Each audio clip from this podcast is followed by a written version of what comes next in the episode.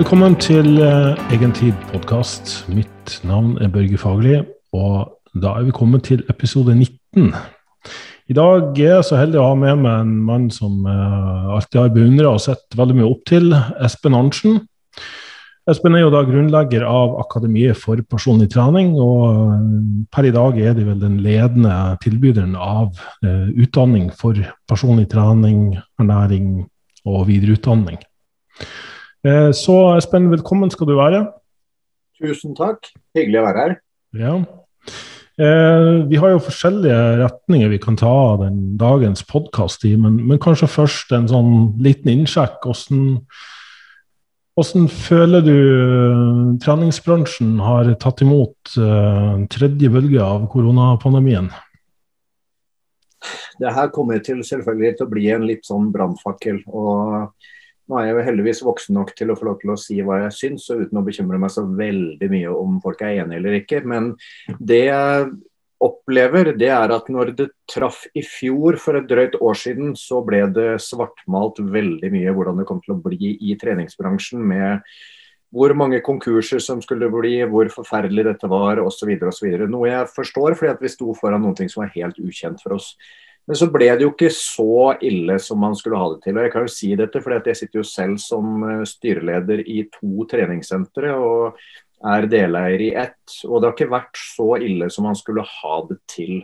Det jeg tror vi i treningsbransjen egentlig har bomma litt sånn generelt på, det er at vi tror at vi er så ekstremt viktige for folkehelsa. Og det her kommer til å skape støy, så da ber jeg om unnskyldning på forhånd.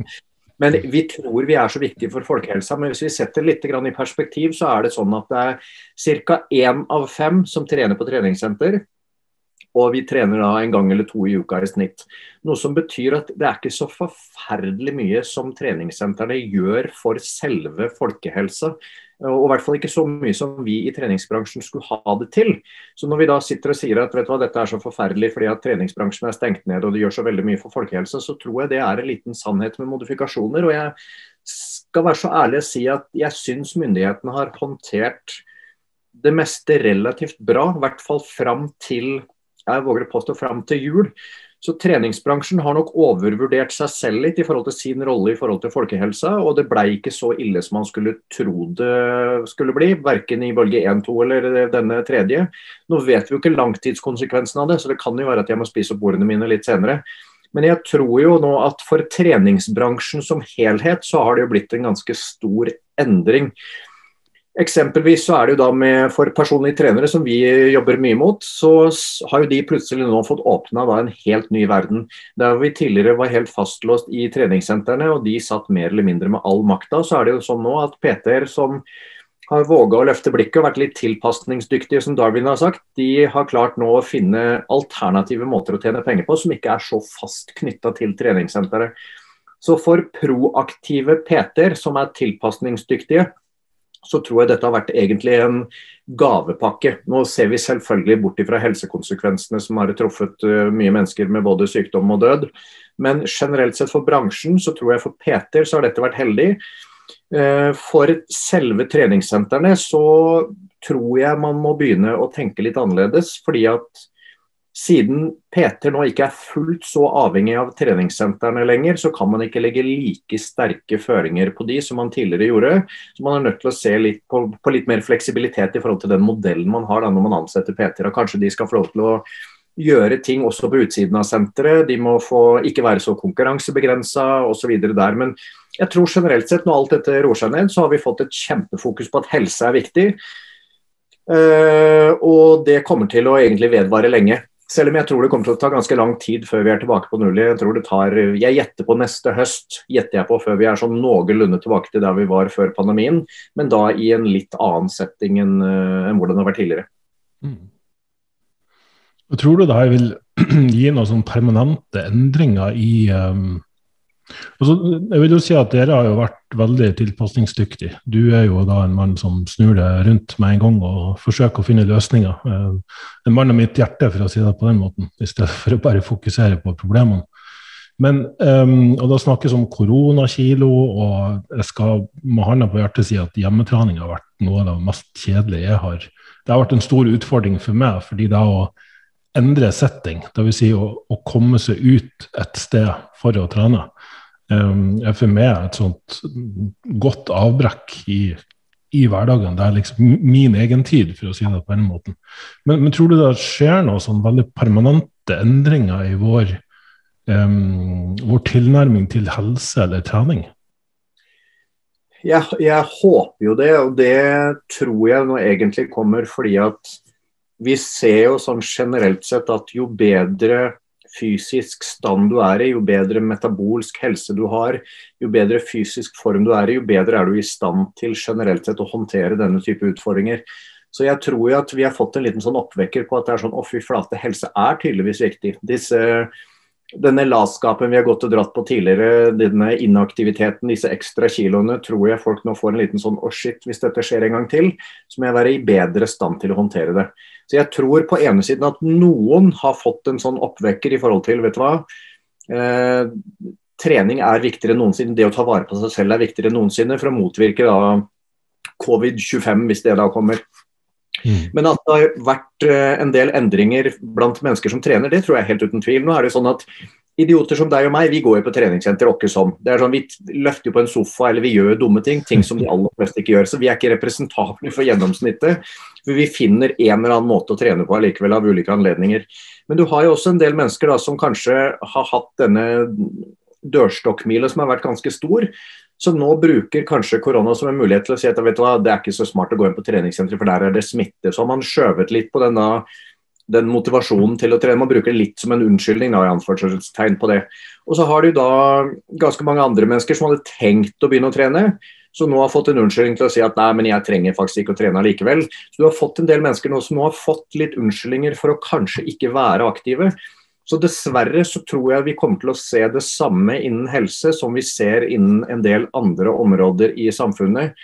Vi kommer til å få klasseskiller. og Klasseskiller betyr ikke at én er bra og én er dårlig, men du kommer til å få noen som prioriterer helsa si mer, og så andre som prioriterer helsa si mindre. På lik linje som du har noen da som er flinkere til økonomi, mens andre gir litt mer F, for å si det veldig enkelt.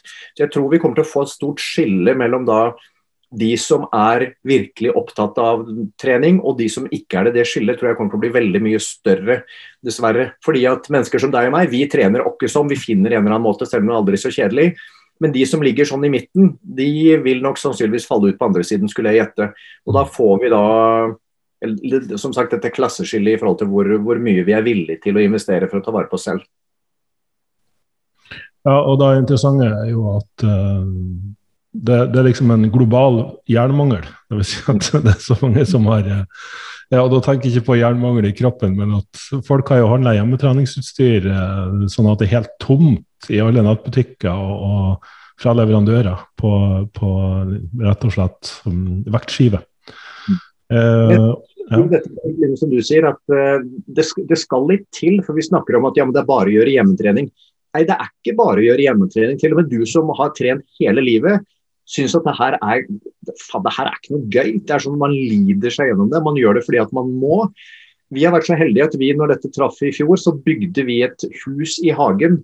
Så vi bygde egentlig vårt eget lille kommersielle gym på nesten 50 kvadratmeter. Så jeg har jo ikke satt mine bein på treningssenter. Og jeg tror knapt jeg kommer til å gjøre det de nærmeste årene, for vi har alt vi trenger i hagen. Men hvis jeg skulle trent hjemme i stua med en kettlebell og noe mm. hantler, mm jeg hadde syntes det var forferdelig vanskelig. Og jeg er relativt mye mer motivert enn de fleste andre og hatt dette som et liv hele Eller det har vært en del av livet mitt alltid. Mm. Og de som da ikke har den motivasjonen, jeg skjønner at de syns det er gørr kjedelig og bruker det som en mulighet til å si vet du hva, det her gidder jeg ikke. Så styrketrening som vi kjenner det, har jo blitt ødelagt. Og uansett hvor mye treningsutstyr folk nå har hjemme, så tror jeg det treningsutstyret det kommer til å ende opp som disse mm, TV-shop-maskinene under sofaen bortgjemt i et kott et eller annet sted. For det er ikke noe gøy å stå hjemme. Man kjøper kettlebells og alt mulig når man liksom ikke har noe annet valg, men når du har muligheten, så vil de menneskene som har lyst til å trene, de går ut på treningssentrene likevel, og så står dette her og samler støv. Så jeg tror jo tre år fra i dag, eller to år fra i dag, så tror jeg man skal gå inn på Finn. Da tror jeg du får et ganske billig hjemmegym kjøpt for noen usle tusenlapper, til forskjell fra hvordan det er i dag, hvor du ikke kan oppdrive en eneste liksom, hantel noe sted. Ja, det er jo nesten som kryptovaluta, det treningsutstyret nå. Det er sånn eksplosiv økning. At uh, et manualsett til 7000 utsalg, da selges for 20 liksom, på, på Finn. Og så tror jeg, tror jeg tror man skal liksom tenke seg litt om, Nå kjenner vi jo en del mennesker som driver og selger treningsutstyr.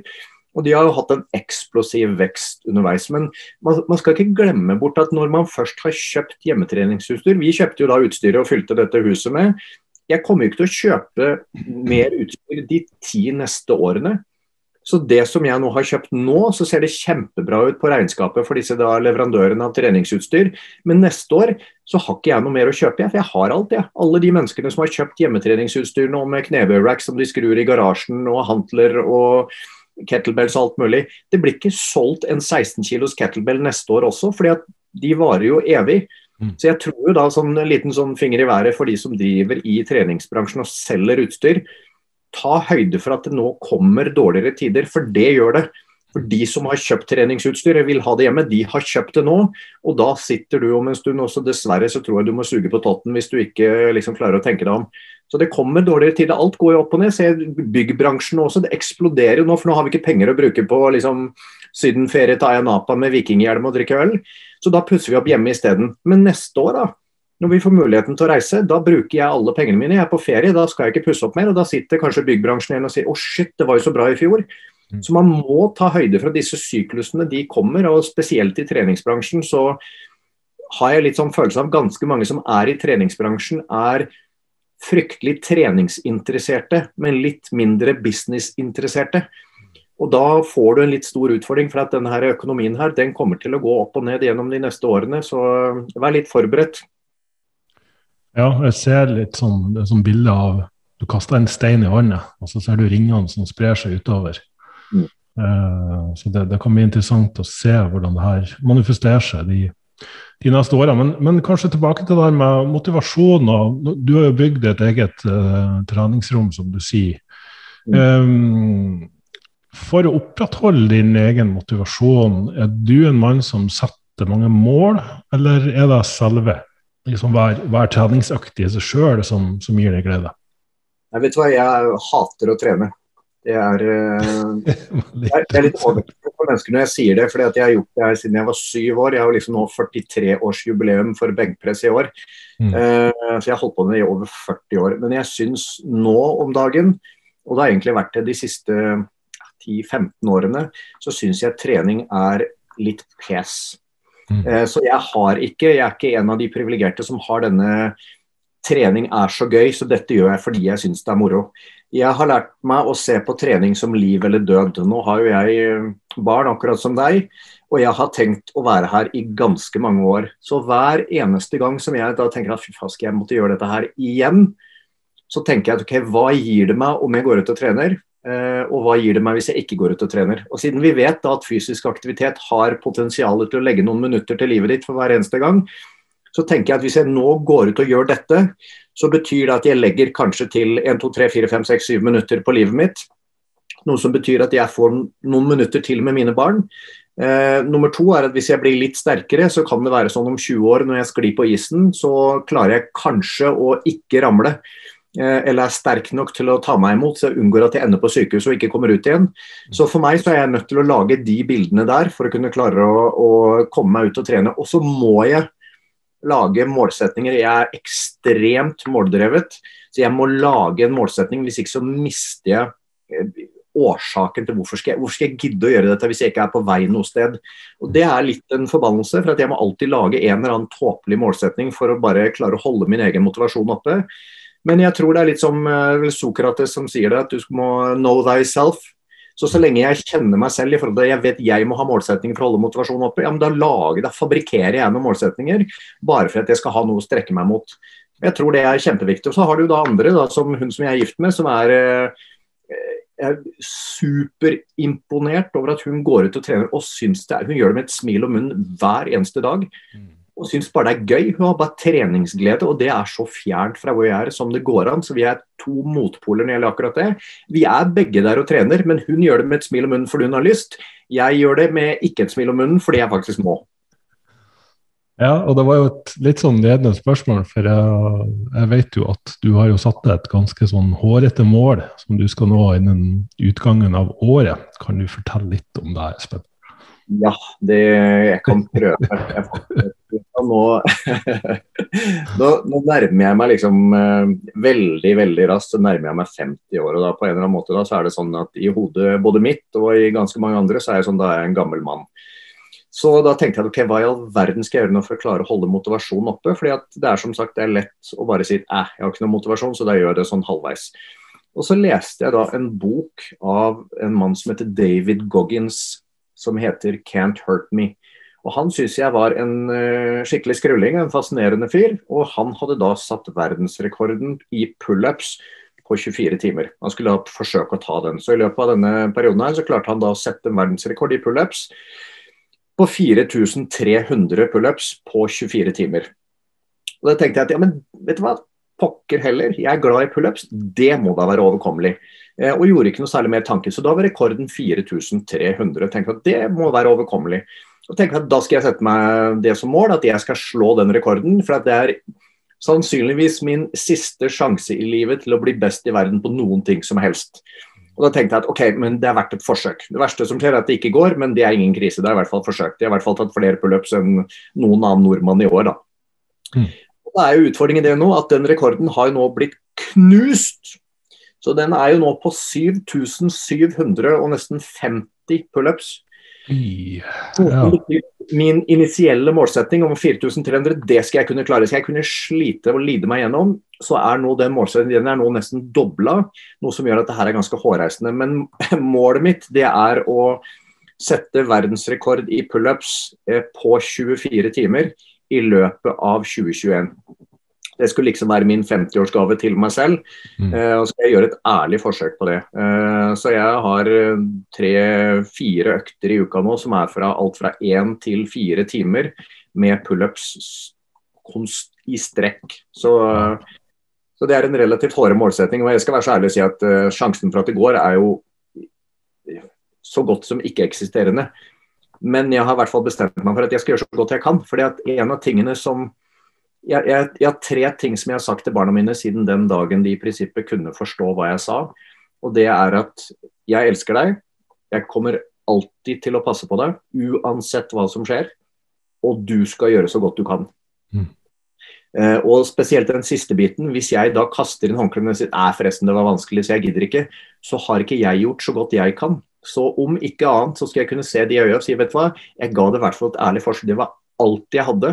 Og så kan man aldri garantere utfallet, for det kan jo være at som i det tilfellet her, så er det jo en eller annen gærning da, som har tatt forferdelig mange som bare er mye bedre enn hva jeg er. Det er, så, og det, det er, et tap som jeg tåler. Og det er et tap som jeg kan se de øynene og si at hva, jeg var ikke bra nok, jeg. han var bedre enn meg. Det er et helt fair greie, men jeg kan aldri se de i øynene og si at jeg har ikke gjort så godt jeg kunne. Så derfor tenkte jeg at jeg skal i hvert fall gjøre mitt aller, aller beste for å prøve å se hvordan det går. Så får vi se. Det blir spennende i hvert fall. Ja, ja, for de som si, ikke har sett det i levende livet, så, så kan jo i hvert fall si eh, at eh, det er jo ikke mange år siden du faktisk Og nå er du sa at det var greit at vi kunne være litt åpne her. Det er jo ikke mange år siden du faktisk vant en amerikansk fitnesskonkurranse. Så du, du, ser jo vanvittig bra ut til en mann som nærmer seg 50 år. Ja, nå hører med til historien at uh, jeg konkurrerte jo i noen år fra år 2000 til 2004 i Norge. Mm. Og så har jeg da i alle år vært sånn faen, Siden jeg da er så måldrevet, så er det sånn at faen, skal jeg konkurrere igjen bare fordi at jeg skal ha et mål. Hvis ikke så mm. mister jeg litt på motivasjonen, som jeg har nevnt. Og så har det bare aldri blitt sånn. Og så tenkte jeg, vet du hva, hva faderen heller. På, så på 45-årsdagen min så konkurrerte jeg jo en gang, og det var jo da i desember i 2016. var jo det. Og så konkurrerte jeg igjen i juli da i USA 2017, og da var jeg så heldig og vant en konkurranse da, så det var jo veldig Ja, heldig, heldig, heldig. Du var jo, du var jo vanvittig bra form. Det må jo det ja, det var jeg i hvert fall uh, så god form som jeg kunne være. Og det mm. husker jeg, det var en av tingene som jeg kan si at jeg, når den konkurransen var, så sa jeg at vet du hva, bedre enn det her, det får jeg ikke til. Mm. Og det, det, var en så innmari god følelse i akkurat det tilfellet. Nå hører med til historien at jeg gjorde jo ikke dette selv, for jeg hadde jo hjelp av deg i veldig stor grad. Som i prinsippet var litt sånn eh, barnevakt på, på veien. Og det var en Nei, men det var jo det var en utrolig god greie. og Det handler jo ikke om at jeg ikke kanskje hadde klart det på egen hånd, men det er veldig greit å ha noen annen som faktisk forteller deg hva du skal gjøre. For da kan du skru av hodet og ikke bruke energi på det. Mm. Jeg tror vi alle har en tendens til å du gjør noen ting, og så begynner du å evaluere den samme dagen som du har gjort det. Det er sånn, fader, kan jeg skulle gjøre det isteden? Og når jeg hadde deg som sa vet du dette er det du gjør, så var det sånn, ja, men da gjorde jeg jo det, da. Mm. Og da, Det medførte det, men jeg husker den følelsen jeg hadde på Det var jo da i Texas i juli 2017 så husker jeg, jeg rett før jeg skulle på konkurransen, var jeg sånn Vet du hva, mer enn det her får jeg ikke til. Mm. Uansett hvordan det nå skulle gå, så er det litt sånn, vet du det er helt greit. For det her er det beste jeg får til. Og jeg hadde ikke hatt mer å legge ned, så, og da er det greit. Da tåler jeg, da tåler jeg et tap. Og så var jeg så heldig og vant. Så det var, var en morsom ting. Da har jeg gjort det òg. Ja. ja, eh, og du er jo tidligere norgesmester i Atletic Fitness også. Eh, det skal jo sies. Du har jo Eh, en viss grad av talent og gener på plass her også, men, men, som jeg kjenner, så har du jo alltid Du har også fortsatt å være ydmyk, du har fortsatt å være nysgjerrig. Du har forsøkt ulike måter å trene på, og du har blitt veldig bevisst på hva som faktisk fungerer best for deg sjøl. Og vi har jo hatt eh, noen av de beste diskusjonene om trening og kosthold som, som, jeg kan huske jeg har hatt i, i mitt voksne liv. Så, um, så, så det er jo noe med det der med å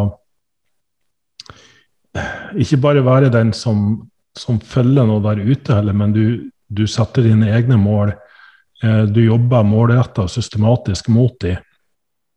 Um, og så skal det jo, i, i, hvert fall etter min mening, hadde jo hatt en veldig sånn rasjonell, fornuftig tilnærming. Det har jo aldri vært veldig overdrevet. Det hadde du kanskje gjort tidligere uh, i din historie, men, men liksom de siste årene syns jeg har vært prega av veldig sånn altså måten du ser ut på, altså da du, det du viser i fysikk ikke, jeg tror ikke det er mange som skulle tro at at det ligger bak eh, at, at, Man skulle kanskje tro, anta, at Det var vanskelig å finne ord i dag, merker jeg.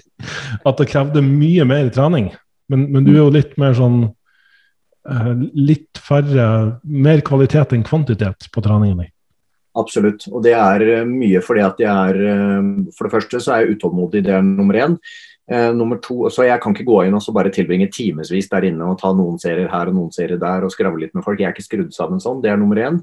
Nummer to så har jeg en sånn, jeg har en sånn av-på-bryter. og Det har jeg på de aller fleste områder i livet.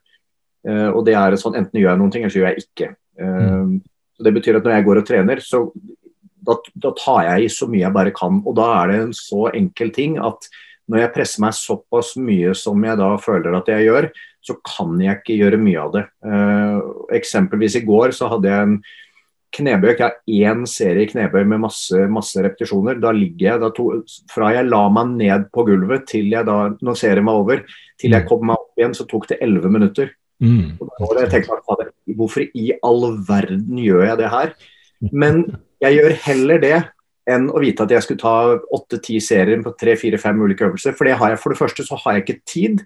Jeg har kone, jeg har to og et halvt barn, vi har en liten hund. Jeg har uh, flere selskaper som jeg nå driver. Nå er jeg så heldig å ha en ny daglig leder inn i AFPT, men jeg er jo mye involvert der. Jeg skal ned på kontoret her når vi er ferdige nå etterpå. Mm. I tillegg til at jeg har et musikkselskap. Jeg sitter som styreleder i flere flere selskaper. Så jeg holdt på å skrive en bok, så jeg, jeg, har, jeg har, ikke tid. Så jeg, hvor mye jeg enn skulle ønske å si vet du hva, du skulle, jeg skulle ha tre, tre, timer om dagen, jeg har ikke den tiden. Og jeg har ikke hatt det de siste ti årene.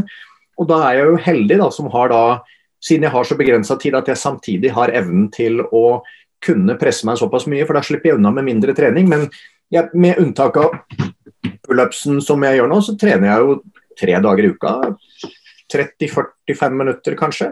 Pluss at jeg prøver å være litt flinkere på litt sånn stretching og litt sånne ting, for å egentlig kunne røre litt mer på meg.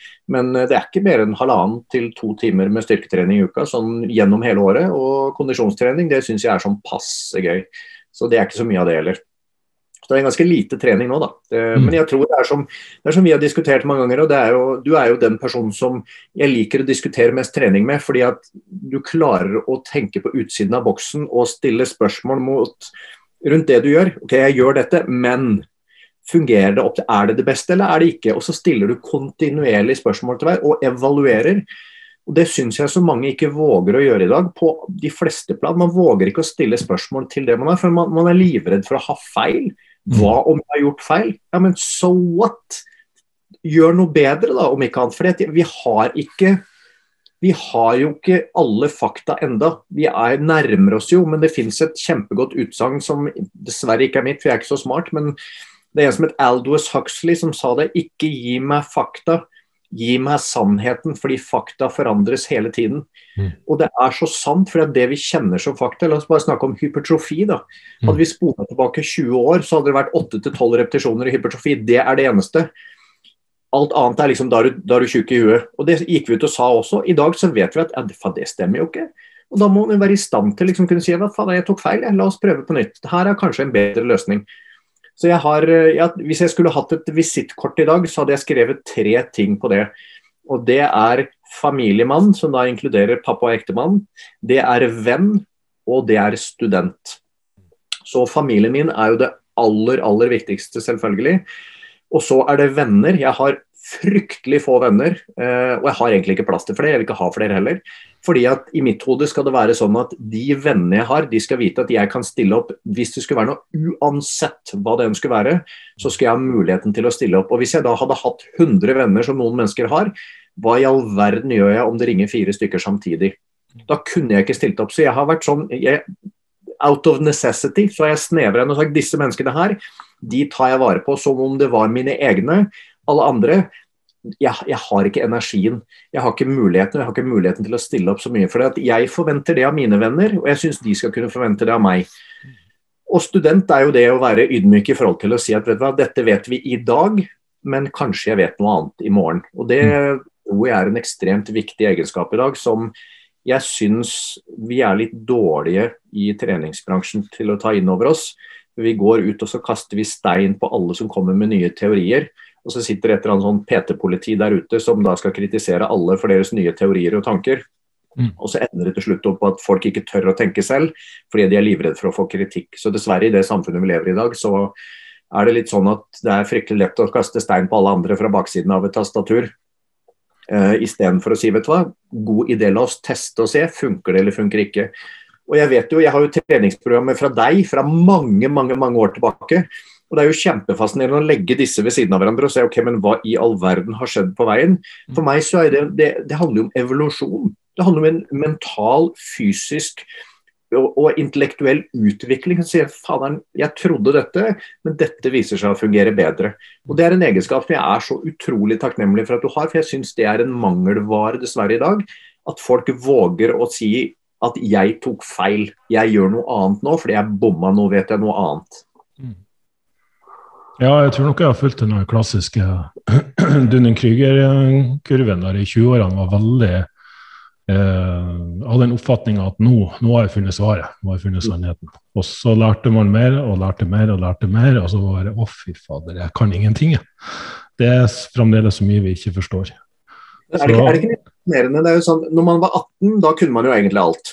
Så når du var Ruth, eh, bare for å liksom bruke det som eksempel, da kunne du alt. Da hadde du svaret på alt i livet. Eh, og når du var 28, da kunne du også noe alt. Da kunne du bare noe annet enn hva du kunne når du var 18. Og når du mm. var 38, så var det sånn Nei, nå kan jeg i hvert fall alt. Men mm. jeg kan jeg noe annet enn hva jeg kunne når jeg var 28, og i hvert fall noe annet enn hva jeg kunne når jeg var 18. Men det er jo en, det er jo en del av livet. da, liksom å si at ja, La meg bare fortsette å utvikle. Så utrolig kjedelig det må være å stå fast i en sannhet som er 20 år gammel, og ikke våge å stille spørsmål til det. Så styrke for meg, det er jo å våge å si vet du hva, I fucked up. Jeg mm. Sorry, jeg tok feil. La meg prøve bedre igjen neste gang. Det mm. er jo for meg, ikke det å aldri ta feil. Ja, og hvis vi ser på hva som For det er klart, nå har vi tilgang til all verdens informasjon på smarttelefonen vår. Um, når telefonen er smartere enn oss, så er det kanskje lite, lite tankekors. Men eh, det er liksom to ytterpunkter. Det er de som kun baserer seg på erfaring, og så er det de som driver sånn forskningskrig. At de kaster referanser på hverandre for å liksom skulle argumentere for hvem som har rett. Og jeg er kanskje veldig sånn i midten, da, for de er veldig opptatt av å se hva som fungerer for hver enkelt. Men så er jeg òg veldig opptatt av den der hva er det som gir mest utbytte, og hvor begynner kurven å flate ut? Litt sånn Pareto-prinsipp i det. Eh, hva, hva, er det som gir den, den høyeste ROI-en? Og så kan man gjerne legge på ekstra eh, hvis du har tid og mulighet. Men hvis mesteparten av jobben er gjort med 20% hvis du får 80 av resultatet med 20% innsats, da skal det litt til for jeg syns det er verdt å bruke 80% til for å få de siste 20% Og kanskje det reelle tallet er mer ja, 90-10, kanskje, i, i, treningsbransjen. Det vil si at veldig mye gjøres med noen få sett noen få ganger i uka uh, på øvelser som du uh, syns er komfortabel å bruke. Uh, mens, mens, alt over det Og det er klart, i ditt tilfelle, det å kjøre uh, 7000-8000 chins på 24 timer, da begynner vi å snakke om noe helt annet igjen. Så, så det er klart at da blir det ikke Da er vi ikke på ROI-versjonen lenger. Da, da, må vi rett og slett bare inn og trene mye. Ja, ja. Og så er det Det syns jeg liksom Det, det fins liksom tre ting i, i, livet som Eller hvis, jeg kan si en ting. Min oppfatning er at hvis det er noe som er viktig, så gjør mye av det. Helst hver dag. Mm. Hvis det er noe som ikke er viktig, ikke gjør det i det hele tatt. Så hvis man liksom kan bruke det som en sånn overførsel til ganske mye, så er det sånn OK, men det å si til barna dine eller til kjæresten din at du elsker dem, det, det er viktig. Ja, men for faen, gjør det hver dag. Gjør det masse. Det å liksom fortelle vennene dine at vet du hva, du betyr mye for meg, det er, det er, det er viktig for meg, ja, men gjør det mye. Mm. Det å være i fysisk aktivitet, det er bra for oss på mange plan. Gjør mye av det.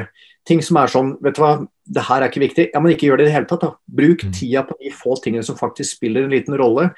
Og der tror jeg vi bommer. Vi fyller på med alt mulig sånne shit som vi egentlig ikke trenger, fordi det liksom skal være bra. Vi skal jo ikke glemme bort at det har jo også en pris, og det folk ikke tenker på generelt sett, det er jo at alt vi gjør har en pris. Så hvis det da er sånn at du slipper unna da, med la oss si to serier bicepskøll, ok, men da får jeg mest mulighet til Jeg kan, hvis jeg gjør ti til, så får jeg kanskje litt mer resultater. Men hva koster de åtte seriene ekstra? Hva koster de av tid? Hva koster de av energi? Hva koster de av restitusjon? Hva koster de av mental helse og glede? Hvilken pris betaler du for å faktisk gjøre disse ekstra tingene, som kanskje i teorien i en helt isolert verden vil være sånn ja, men det er bedre å gjøre ti serier enn to. Ja, det er så i en perfekt verden, men hva koster de åtte seriene? av ting som du liksom må gi opp da i noen tilfeller. og der tror jeg man, Derfor syns jeg det er innmari bra. Hvor lite kan jeg få til mm. med den innsatsen jeg legger ned? Eller hvor mye kan jeg få til med den lille innsatsen jeg legger ned? Og så er det litt tilbake til det du sier med at du snakker om forskning og erfaring. Jeg har jo tre sånne overlappende sirkler jeg, som jeg syns er viktig, og det syns jeg er viktig i alle deler av livet. Det er På ene siden så er det forskning. Det er selvfølgelig viten. Hva sier vitenskapen? For det er viktig. Det gir oss litt som pekepinn. dette er det vi vet i dag. Men så har du da det som er erfaring, som du snakker om. Okay, men når jeg gjør dette som vitenskapen sier, erfaringsmessig, hva skjer da? Fordi at Vi vet jo da at studier det er jo en viss populasjon, en viss demografi, under visse kontrollerte, gitte forutsetninger. Så når jeg prøver meg på det som vitenskapelig skal være riktig, hva er effekten jeg får ut av det, hva er erfaringa mi ut av det? Så kan det være at de to ikke passer helt overens. Men så har du en tredje sirkel som folk har glemt bort helt. Og det er den derre sunn fornuft. Mm. Men hva, si, hva, sier fornuften din, da? Er, virker dette logisk eller ikke? Og hvis du skaller hodet 20 ganger i en murvegg, og tenker på at skal jeg gjøre det en gang til, så trenger du ikke forskning for å si at en gang til, det gjør enda vondere. For Det sier både erfaringa og den sunne fornuften at ja, det der er ikke noe smart å gjøre. Du mm. trenger jo ikke noe forskning for å liksom komme og si at ja, men når jeg skalla 20 ganger, gang nummer 21, da gjør det ekstra vondt. Ja, det så, ja men selvfølgelig gjør det det. Men i treningsverdenen så har vi helt glemt den der tenke selv-greia. Og det syns jeg er dritskummelt. For at det ender opp med at vi blir bare kopier av hverandre. Så hvis ikke folk tenker selv, så vil jo alle følge Myoreps da. Fordi det er mm. det du har fortalt, det funker bra. Men du må jo våge å si at ok, men det har Børge sagt, det vitenskapelig, det funker dritbra. Erfaringsmessig, det funker dritbra. Men, men, logisk. Og hvis det er logisk makes no fucking sense, så tenk sjøl, da vel. Mm. Men det er jo der folk stopper, for man er jo livredd. Man har jo blitt sånn der, et samfunn i dag hvor vi er, vi er, jo en gjeng med sauer som følger etter alle andre, for vi tør ikke å stikke oss ut. Og mm. Det tror jeg er livsfarlig. Og i treningsbransjen så får du da disse ulike posisjonene, men noen sitter bare på vitenskap, noen sitter på forskning, og så sitter vi og kaster stein på hverandre på hvem som har rett og hvem som har feil, istedenfor å egentlig se på hva er det vi er enige om. Veldig bra. Ja, Det er to, to ting som dukker opp for meg her nå. Det, det første du nevnte her med um, det, det, spørsmålet jeg pleier å stille til kundene mine. Hvis du sier ja til det her, hva må du da si nei til? Ja. Og litt jeg må gå i essens på, på hva, hva er det du faktisk driver med. Mm. Og på en måte så er også, hvis du sier nei til det her, hva kan du si ja til? Få begge de aspektene inn i uh, det du driver med, så, så tror jeg at det kan skje mye interessant. Og det andre er at jeg tror det kan være fint å ha et øye der ute. Hva er det som foregår? Hva er det som finnes av forskning? Hvilken retning går ting i? Hva er andres erfaringer? Uh, hva ser jeg fungerer over tid? Men du må jo ha like mye syn innover. Du må ha en innsjekk på innsida over ok, hva, hva føles bra for meg, hva fungerer bra for meg? Uh, og gjerne en systematisk tilnærming der også, uh, der du måler og vurderer og, og um, har en finger på din egen puls, uh, metaforisk sett, på hva er det som foregår i livet ditt akkurat nå. Har du mye stress? Har du mye påkjenning? Er du i god form? Har du nok frisk luft? Har du nok egentid? Ref navnet på podkasten min, fordi det er så viktig. Um, hvordan opplever du stressnivået ditt akkurat nå? Hvordan opplever livet ditt? Hva, hva sier du til deg sjøl på innsida? Så, så, alt det her spiller jo inn. Så, så når, når, min coaching den har jo hatt en evolusjon, som du sier. Den har gått fra det rent teknisk detaljorienterte til det mer helhetlige, der noen kunder kan vi sitte og snakke om trening i, i tre måneder i strekk, mens andre snakker vi i 20 minutter, en samtale, og så er de resterende 11 ukene så snakker vi om livet, om, om søvnkvaliteten deres, tankesettet, om de er flinke til å sette grenser, om de har forventninger til andre eller til seg sjøl, om de opplever forventningspress. Altså Det er så mye som, som foregår som, som, folk kanskje får litt sånn tunnelsyn på. Altså De får tunnelsyn på enkelte ting og, og sitter og krangler ivrig på, på nett for å ha rett på det. Og så glemmer de helt hva den personen har på, på sin meny som gjør hvorvidt det her kan fungere eller ikke fungere. Som I de fleste tilfeller, vi plukker jo ting ut av kontekst. Det er det Vi ikke, vi er ikke noe flinke til å sette det i. ok, men i hvilken sammenheng, for hvilken person, under hvilke forutsetninger er det disse sannhetene her nå skal appliseres. Og da er det jo så enkelt at Både du og jeg har jo barn. og Én ting er det da teoretisk, i en perfekt verden så ser et treningsprogram ut på denne måten eksempelvis. Mm. Og så har du da to unger som hoster og harker og sparker deg og kommer krypende innom senga og sier 'pappa, hvor er teddybjørnen min, jeg må tisse'. Og så har du en natt som er helt elendig søvnmessig, og så våkner du dagen etter og sier 'fy flate, nå har jeg kjørt over av toget'. Og da er det fryktelig uinteressant at programmet sier tre ganger ti på 77,5% av dette i benkpress med 120 sekunders pause. for at jeg orker ikke. Livet traff meg midt i trynet, og da må jeg være i stand til å tilpasse det. Så når når vi ikke setter det i kontekst, i sammenheng, så blir ting fryktelig lite relevant. For det er jo det er jo ingenting i livet i dag som er Du lever jo ikke isolert sett. Du har jo et liv, du har mennesker rundt deg. Nå har vi korona hatt det nå i halvannet år. Vi mm. har økonomiske belastninger, vi har jobbstress, vi har sure sjefer, vi krangler med kjerringa. Liksom, ungene skriker, og treningssentrene er stengt ned. Ja, men livet skjer. Mm. Det må du også ta inn som et sånt element. at ja, men hva om i en perfekt verden, ja i den konteksten, ja da funker det sånn, men nå er konteksten annerledes. Hvordan skal vi nå tenke?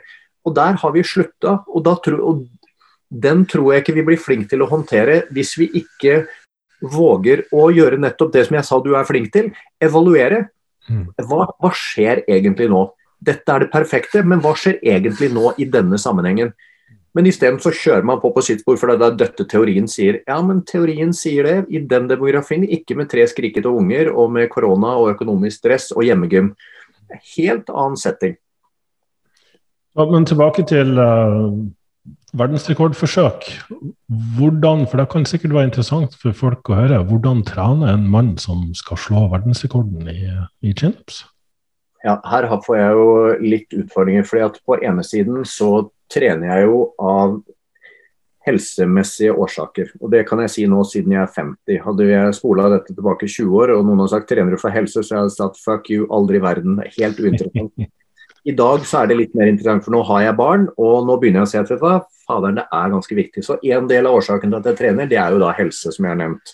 Mm. Eh, nummer to er at jeg ønsker å føle meg fysisk i god form. Dvs. Si at for meg så er det viktig at når jeg ser meg i speilet, skal jeg si at vet du hva, dette er ikke så verst. Mm. Det er en viktig følelse for meg. Og så har jeg fleipa med det mange ganger, men jeg ønsker at det skal være sånn at de gangene jeg kler av meg i, på soverommet, så skal liksom kona mi se på meg og si hm, yummy, dette vil jeg ha en bit av. La oss være ærlige her. Det er, ja, ja. Jeg vil se bedre ut naken. Det er viktig for meg. Mm. Og så får folk synes akkurat hva de vil om det. Og så er jo den tredje biten det er jo da dette verdensrekordforsøket. Og her kommer vi litt inn på det vi snakker om da, at vi, vi, må velge noen målsetninger. Og da er det veldig enkelt at hvis jeg ønsker da å se forferdelig bra ut naken, så kan jeg ikke ta verdensrekord i pullups. For det betyr at det er en del ting som det ikke fins plass til. Eh, jeg kunne trent ekstremt mye bicepskøll for å få store biceps, men da hadde albuene mine gått i stykker, for jeg gjør tusenvis av pullups hver eneste uke. Så jeg har gjort en avveining på det. Mm. Så har jeg noen få baseøvelser som jeg gjør i få repetisjoner med ganske lange pauser, bare for å egentlig opprettholde litt styrke og muskelmasse generelt på alle de musklene som da ikke er involvert i pullups. Mm. Og så gjør jeg forferdelig mengde med pullups. Så jeg har én dag i uka som jeg øker varigheten på, så da ligger jeg på alt fra åtte til ti pullups i minuttet i x antall minutter. Så jeg har én dag i uka hvor jeg har eh, fire til fem repetisjoner med belastning i minuttet. Så jeg har da 20 kg i beltet, tar fire repetisjoner i minuttet i to timer. Mm. Det er én eh, dag i uka. Jeg har én dag i uka som er så tungt som overhodet mulig. Det er en sånn dag jeg har hatt i dag. Da har jeg kjørt 60 repetisjoner med 45 kg eh, i beltet, så da kjører jeg én i minuttet. I, så 45 kg i beltet, én i minuttet i én time. Og så har jeg én dag i uka hvor jeg da tar det snittet som jeg må ta for å kunne slå rekorden. Jeg er på 5,9 pullups i minuttet i 24 timer i strekk. Så da tar jeg seks pullups i minuttet, og så ser jeg hvor lenge jeg holder ut. Hvis jeg starta på én time, og så er det to timer, og så er det tre timer, og så er det fire timer, og så er det fem timer. Wow. Og bygger dette egentlig litt over tid. Så det er tre sånne dager i uka. I tillegg til at jeg alltid både starter og avslutter de andre to-tre treningsdagene i uka med litt pullup som oppvarming og litt pullup som egentlig som en avslutning. Så nå ligger jeg vel på ja, Forrige uke så gjorde jeg da 1440 pullups på fire timer. Wow. Og Det er 60 minutter i fire timer. og så I dag så gjorde jeg som sagt 60 repetisjoner på 45 kg i eh, For, eller 44, for det er det tyngste hanteren jeg har. Så da henger den i beltet, og så tar jeg én i minuttet da i én time. Wow, så, Det er imponerende. Altså. Hvor, hvor, mye veier du akkurat nå? Nå veier jeg 80 vel, Siden det nå har vært 17. mai, så veier jeg nå 84 kg. Ja. Så jeg, skal, jeg, må, jeg, må, jeg må ned jeg må ned fem kilo. Og det er mange som sier i all verden jo for det at fem kilo å løfte på ekstra i 7000 repetisjoner, det er 35 tonn som jeg kan fjerne hvis jeg tar, går ned fem kilo. Så jeg må mm. prøve sakte, men sikkert å gå ned. Så det, det er egentlig en sånn suksessiv uh, vei opp mot det, og så får jeg se hvor lenge det egentlig holder. Uh, Hvordan kjennes det så langt? Bortsett fra min venstre albu, akkurat i innfestningen fra nede i Føles ut som det er innfestningen til biceps slash brachialis på venstre siden. Bortsett fra den, så går det veldig, veldig bra. Mm. Men den eh, kan sannsynligvis være den store utfordringen. Og så er det selvfølgelig da henda. Huden i hendene blir jo revet i filler ved å henge en ruglete stang liksom i fire timer. Men, men, du har vel egentlig ganske hard hud fra før, du? I hvert fall i høyrehånda? Ja, i hvert fall høyrehånda er veldig, veldig hard hud. Så det er venstre jeg sliter med det. Jeg er litt, er litt hår i den høyre også, jeg vet ikke om det Ja, det, ja, det er mye hår på i ene håndflata. Men det, det, blir forhåpentligvis slitt av når du trener så mye. Ja. ja. det er jo helt, helt, fantastisk. Og det er jo som du sier, det er å klare å faktisk få kroppen til å henge sammen eh, til du skal gjøre det her. Ja, det, og det er, det er, den store utfordringen. og Jeg tror jeg sammenligner det med en eh, ekstrem maraton. Fordi at jeg tror jo ikke, Det er jo ytterst sjelden at det er selve maratonløpet som er problemet. Det er ikke da man går i stykker. Du går i, går i stykker på vei mot Mm. maratonet. Fordi det blir så mange kilometer du må ha i beina. Og akkurat samme er det her. Det er på veien dit som kroppen går i stykker. Så det kommer ikke til å være selve forsøket som skjærer seg. Det er enten så kommer jeg dit, og så holder kroppen gjennom 24 timer. Eller så kommer jeg ikke dit, for det er noe som går i stykker på veien. Så det får vi se. Jeg, har, eh, jeg skal gjøre en liten sånn test nå i slutten av juli, bare for å se. En sånn 8-12 timers test, bare for å se hvordan det er. Så, men det er, jeg skal være så ærlig, det er, faen, det er gørr kjedelig. Ja. Det er liksom Seks bullet tar 8-10 sekunder, og så er det 50, 50 sekunders pause. Da sitter jeg og kikker i veggen. Det er dritkjedelig. Her forrige dagen så måtte jeg ta med en bok bare for å ha noe å gjøre samtidig. Og så prøvde jeg å skrive litt på, på boka som jeg skriver på samtidig. Mm. Så derfor har jeg skrevet tre ord, og så er det liksom på'n igjen. Og så er ja. Så, men igjen, Ja. det går, jeg har det i hagen. Men der kan du si noe om hva den boka handler om? Ja, selvfølgelig. Og det er egentlig hekta fast i at jeg alltid har vært uh, redd for å dø. Jeg vet ikke om jeg er redd for er vel kanskje et litt sånn feil uttrykk, men jeg syns det er fryktelig trist at vi har da gjennomsnittlig som eh, mann 82 år på planeten her, og det er alt du får. Mm. Eh, Det skremmer meg litt. og jeg, Det har vært siden jeg var liten. Jeg kan huske når jeg var liten at jeg lå på rommet mitt hjemme hos moren og faren min og lurte på hvem som skulle få rommet mitt og tinga mine den dagen jeg døde. Mm. Så det her har egentlig alltid vært eh, fast inni hodet mitt med litt sånn Jeg vet ikke om jeg skal si dødsangst, men en, en redsel for at det kommer en tid når jeg ikke skal få lov til å oppleve mer. Det er vel Mm. mer det jeg kan uh, samle. Og så tenkte jeg da at ok, men jeg er jo ikke den eneste som har den skrekken. og selv om det skulle være sånn at hvis jeg er den eneste som har den skrekken, hva kan jeg gjøre for å se til at jeg lever lengst mulig? Og samtidig da forsøker å leve best mulig, dvs. Si ha høyest mulig livskvalitet. Så det det egentlig handler om, så boka har jeg kalt 'Udødelig'.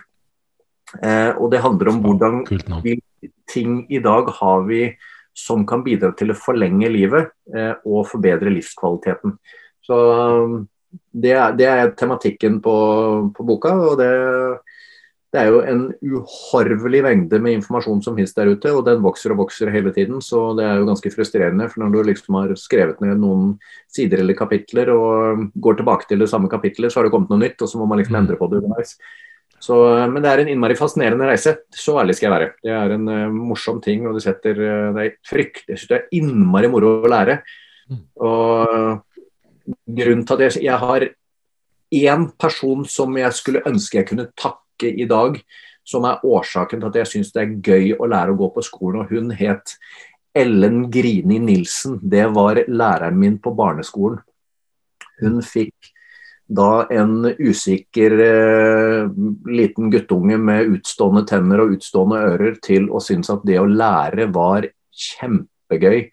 Så hun har dessverre gått bort, men kunne hadde vært én person jeg skulle ønske jeg kunne gå tilbake og si tusen takk for at du ga meg de, den starten på livet, så hadde det vært henne. Og da, nå får jeg egentlig bare lov til å ha en unnskyldning til å fortsette å lære. Fordi at uh, det her er jo et utømmelig tema, som sagt. Så, så det, er en, det er en morsom reise. Ja. Utrolig fin tittel og spennende tema, virkelig. Det er jo et eksistensielt spørsmål i oss alle. Så, så, Hvis ikke det så er det, jo, er det ikke det alle stiller seg spørsmål da? Ok, men hvorfor er jeg her? mm, Hva, hva, hva er poenget? Og hvis man da sier poenget, og hva er poenget med Hvis man utvider spørsmålet, da. Nummer én, hvorfor er jeg her? Og spørsmål nummer to, hvorfor er jeg her bare i 80 år? Mm, ja. Nummer tre, hvorfor kan jeg ikke være her for litt lenger? For det er så fryktelig mye mer jeg skal gjøre. mm, Og det er jo derfor jeg også Jeg er jo, som jeg har nevnt, en person med fryktelig lite tålmodighet. Og det er fordi at jeg syns det, så- det, det er så mye jeg har lyst til å oppleve. Jeg syns det er skikkelig trist å tenke på at vet du hva, teoretisk og statistisk så har jeg nå 32 år igjen, og så er det over. Jeg bare, faen, jeg rekker jo ikke å gjøre alt jeg skal gjøre på 32. Jeg har haugevis av ting jeg skal ha gjort. Jeg, jeg har kjempedårlig, kjempedårlig tid, så da tenker jeg kan jeg forlenge livet noen år, så det, har jeg litt flere år å gjøre mye morsomme ting på. Mm. Ja.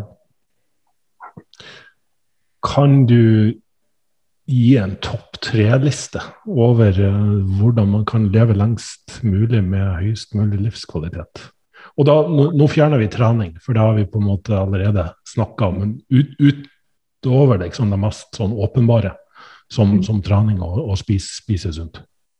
Det, det som er litt av utfordringen her, er at disse to tingene med økt livskvalitet og økt livslengde, de går ikke alltid hånd i hånd. Og Det er omtrent som når vi snakker om helse og toppidrett. Skal du bli best i verden på en idrett, det finnes ingen i verden som kan komme og overbevise meg om at det å ta, forsøke å ta 7000 pullups på døgn, at det er sunt. Det har ingenting med helse å gjøre. Eh, det å være langrennsløper i verdenstoppen, våger jeg også påstå, har ingenting med helse å gjøre, for du kjører kroppen så inn i granskauen på bristepunktet. Og Det samme er det med det å leve lenge. Så Hvis, det, hvis man skulle se på da, sånn isolert sett, så er det sånn at de tingene som skal til for å leve lenge, er ikke alltid ensbetydende med det å ha en god livskvalitet på veien. Men det det ser ut som, det er at ting som stresser organismen, og det her er jo en, en genetisk teori som ligger i bånn. Når kroppen utsettes for stress, enten det er da i form av intensiv aktivitet, eller det er i form av perioder uten mat, så ser det ut som kroppen blir litt flinkere til å reparere. Og jeg kan prøve å forklare det på følgende måte. Hvis jeg nå går ned i stua mi, så ser jeg nå en sofa som er ti år gammel. Den er full av uh, yoghurt, og den er full av skinkeost, og den er nedsittet gjennom ti år. Med tre unger, to voksne. Uh, vi har sikkert kjørt noen glass med rødvin inn, det ligger litt pizza i den, den har vært vaska ti ganger, trekket begynner å miste fargen osv. Det er kjempelett for meg å si vet jeg må bytte ut sofaen. Så når jeg har overskudd av økonomi, så kan jeg gå ned i stua mi så kan jeg se den sofaen, den bytter jeg ut. Og Så kjører jeg på Ikea og kjøper jeg en ny sofa. Det gjør jeg når jeg har gode tider. Hvis jeg derimot hadde hatt lite penger og gått ned i stua, så er sofaen min ser fortsatt like jævlig ut. Til min kones store frustrasjon, så jeg, jeg har hørt henne klage over det. Så Kine, hvis du hører på, så vet jeg at du har lyst på en ny sofa. det, det, er som hvis jeg nå går ned og sier fader, jeg har nesten ikke noe penger. Uh, sofaen fortsatt, ser fortsatt jævlig ut. Hvordan kan jeg gjøre det beste ut av det? Jo, da tar jeg det trekket, og så tar jeg det av og så putter jeg det i vaskemaskinen. Og hvis jeg er skikkelig smart, så går jeg og kjøper jeg noen form for farge, og så farger jeg trekket samtidig for å forsøke å få tilbake den originale fargen, så den ser litt freshere ut. Det gjør jeg, det koster meg mindre å gjøre. Og det samme er det med kroppen, at når vi har overskudd, så har den en tendens til å prioritere vekst til å prioritere da reproduksjon og alle disse tingene. Når jeg derimot har tøffe tider, la oss si jeg tar fra noen maten, så sier kroppen å shit, nå har jeg lite ressurser tilgjengelig, nå må jeg gjøre det beste med det jeg har. Og Det det da ser ut som, det er at kroppen har da en mekanisme hvor den istedenfor å bytte ut gamle celler, reparerer de som er litt ødelagt. Så det går inn litt sånn reparasjonsmodus. Så det å utsette kroppen for noe stress ser ut til å være en positiv ting. Og Her er jo det som da blir det vanskelige i forhold til livskvalitet. fordi at Kalorirestriksjon har jo helt siden da tidlig 1900-tall vært påvist å kunne forlenge livet. Vi vet jo at det finnes da ulike foreninger rundt omkring i verden nå som bruker da kalorirestriksjon som en måte å skru på denne mekanismen, som man da teoretisk skal kunne leve lenger. Så da, ja, da på ene siden så lever du lenger, på andre siden så har jeg lyst til å stille spørsmålet hvor bra er livskvaliteten når du gjør, går rundt og er konstant sulten?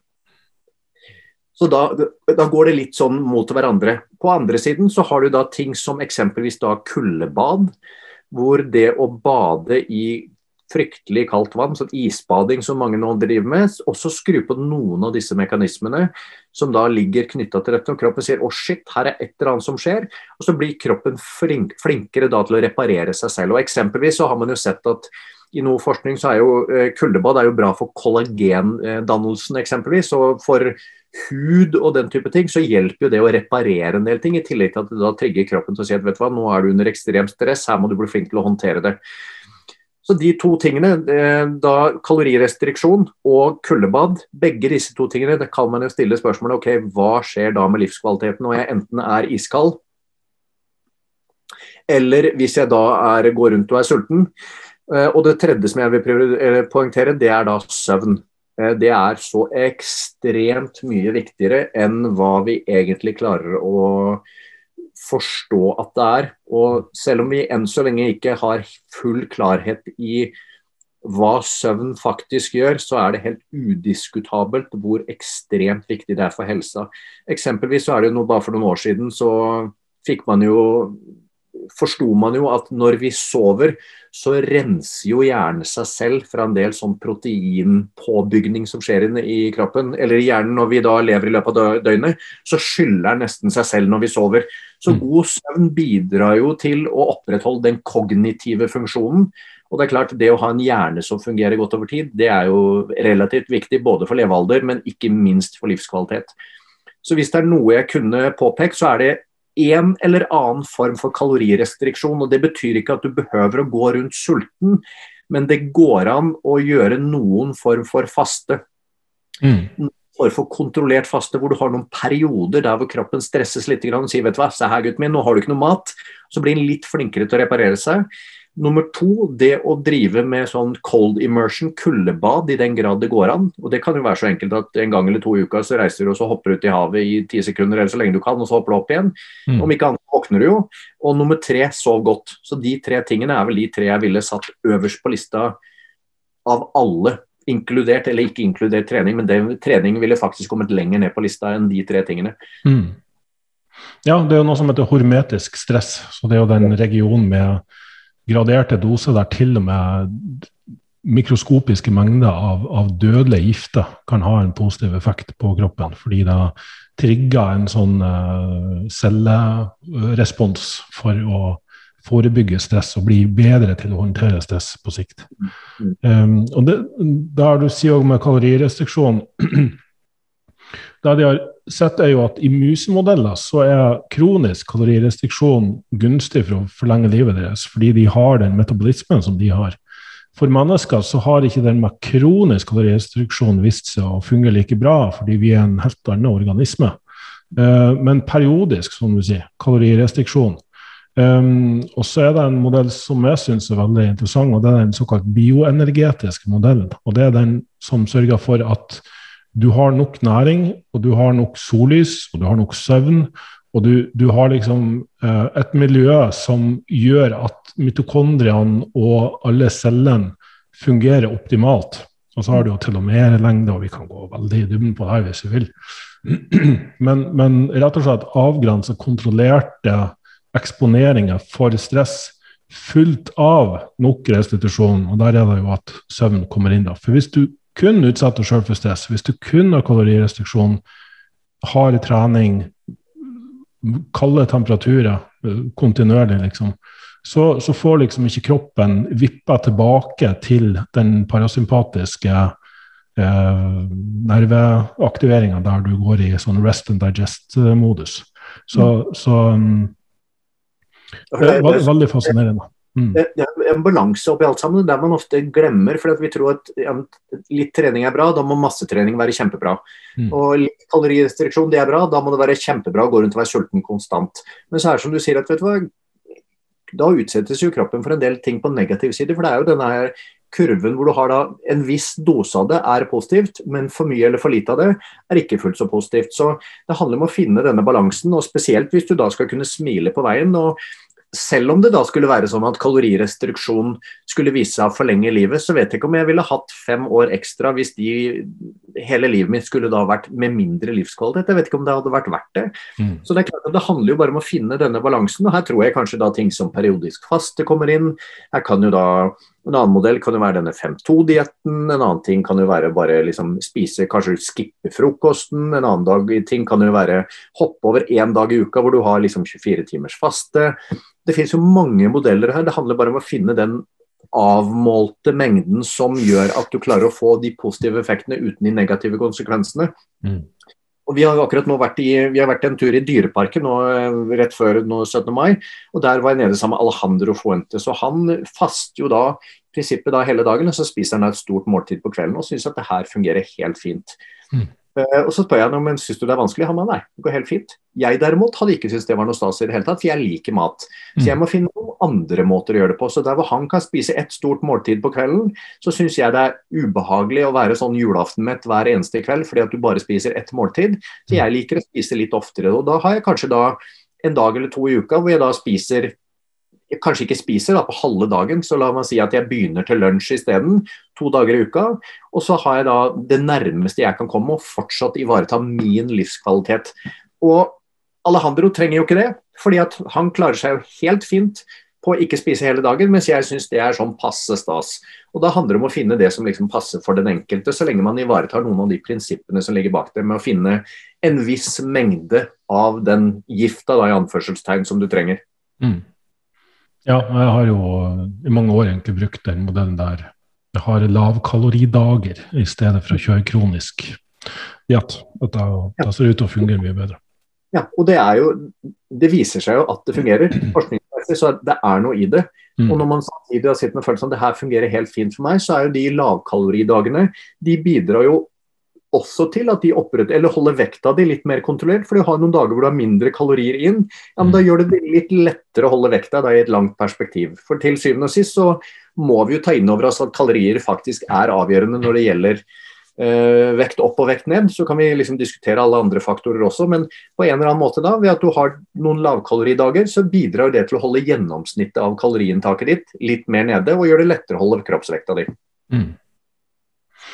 Ja, nei, men det kan bli interessant å, å, både lese den boka, den ser jeg veldig fram til, og, og ikke, men, ikke, minst eh, verdensrekordforsøket ditt. Jeg ser fram til den ene, ikke den andre. Ja, ikke sant. Jeg ser fram til boka, ikke det verdensrekordtullet. Men uh, er det mulig å følge din vei dit, eller er du Sånn som jeg kjenner, er du ikke sånn veldig mye på sosiale medier? Hva, jeg er, Vi har jo diskutert det her gjennom mange år. Vi har jo kjent hverandre nå i, det er vel siden 2009. Det begynner å bli lenge nå som vi har kjent hverandre. Og jeg anser deg som en av mine bedre venner. og det er, jeg er jo ekstremt introvert som person. Jeg liker jo egentlig ikke folk. Jeg liker jo meg selv og mitt selskap og tilvalgte mennesker som jeg får lov til å tilbringe tid sammen med. Og I går så var jeg da i, i går var det 17. mai, og da var jeg en tilstelning. Der var det fem barn og seks voksne i fem timer. Da er jeg helt utkjørt etterpå. Mm. Det, det koster meg så mye å være i prinsippet pålogga og være sosial. Og Derfor har jeg, jeg, har, jeg har en Facebook, men den bruker jeg strikt til jobb. Jeg sier ikke ja til noen venner der, for jeg har ikke tid til å følge opp. Mm. Eh, jeg har ikke Instagram, jeg har ikke TikTok eller Snapchat eller noe av disse tingene i det hele tatt. fordi at Litt tilbake til det vi snakka om, at hvis jeg åpner opp for dette, så stjeler det noen av minutter av livet mitt, og det har jeg ikke. Mm. Og da har jeg valgt, Det fins ingenting som skjer på Instagram i dag som ikke jeg får greie på fra noen andre. og Da har jeg valgt å holde det borte. Og dette verdensrekordforsøket, det er jo, det gjør det for egen del. Så jeg mm. driver og fomler der ute, og så har jeg ikke noe behov for at mennesker verken skal se det eller, eller synes noe om det. Så det gjør jeg egentlig bare for egen del. Så det er egentlig ikke noen eh, steder hvor jeg deler dette med. Og det er fordi at jeg gjør det bare for egen del. For at det er litt sånn, som sagt, det er min eneste mulighet i livet til å bli best i verden på noen ting som helst. Mm. Så om ikke annet så blir jeg i hvert fall topp ti i verden, og det er sannsynligvis min eneste mulighet i verden til å Eller eneste mulighet i livet til å bli topp ti i verden også. Mm. Så det er, uansett så er det en eh, positiv greie. Men det er stort sett som sagt bare for egen del, så det er ikke noe sted som dette ligger åpent og følges på. Men uh, eh, AFPT har vel en podkast? Som eh, kan anbefales varmt? Jeg syns jo det. Vi har en. Eh, podkast som vi nærmer oss nå episode, Vi har spilt inn episode 96 på et år. Så vi har spilt inn ganske mange episoder på det, og jeg syns jo den er eh, Jeg syns jo selvfølgelig den er bra. Men det vi prøver å gjøre med den, det er jo ikke bare treffe treningsinteresserte mennesker, men de som egentlig bryr seg om hva som skjer i livet. Uh, og Derfor har vi både ekstremt sånn faginnhold i noen tilfeller, men så er det også mye da menneskelige ting. som hva skjer i livet til folk flest? Hva mener mennesker om uh, tema A, B eller C? Så vi prøver jo å da ha som intensjon her å gjøre Norge til verdens sunneste land. Og sunnhet, det er ikke biceps curl og benkpress og pullups-rekorder. Det er mental helse, det er gode venner det er det å lære seg å nyte livet, det er livskvalitet, det er lykke. Det er kondisjonstrening hvis man uh, trenger det for å fungere best mulig. Mm. Det er kosthold. Uh, så vi prøver å treffe et bredt publikum der, og syns jo vi har uh, gjort det relativt bra på det. Men igjen så er det min utålmodige hjerne skulle ønske at denne lå på topp tre i Norge, men det gjør den jo ikke. Men uh, kanskje en dag, hvis vi gjør noe veldig, veldig bra. Mm. Ja, men Kjempefint. Da kan jeg bare anbefale folk å sjekke ut den. Og um, da gjenstår det egentlig bare å si tusen takk for følget, Espen. Det er som alltid en veldig interessant uh, samtale. Tusen takk selv, Børge. Og det syns jo alltid det er stas. Jeg vet jo når vi først begynner nå, så vi kunne jo sitte og snakke i timevis, men da hadde mm. sikkert eh, lytterne skutt seg ut for lenge siden. Så jeg syns det er innmari hyggelig å få være her. Tusen takk. Det er en ære, som alltid. Så kjempekult at du har en egen podkast. Og jeg syns jo tematikken som du tar opp, egentid, det er noen ting som jeg tror de fleste burde prioritere veldig mye mer enn hva vi gjør, hvor vi er så innmari opptatt av hva alle andre syns og veldig lite opptatt av i noen tilfeller hva vi selv syns. Vi går ofte på bekostning av oss selv, så jeg tror det å ha litt mer egentid, hva det nå enn innebærer for individet, tror jeg er kjempeviktig. Så en kul tittel på podkasten, så tusen takk for at jeg fikk være med. Ja. Da får du ha en fortsatt strålende dag. Espen.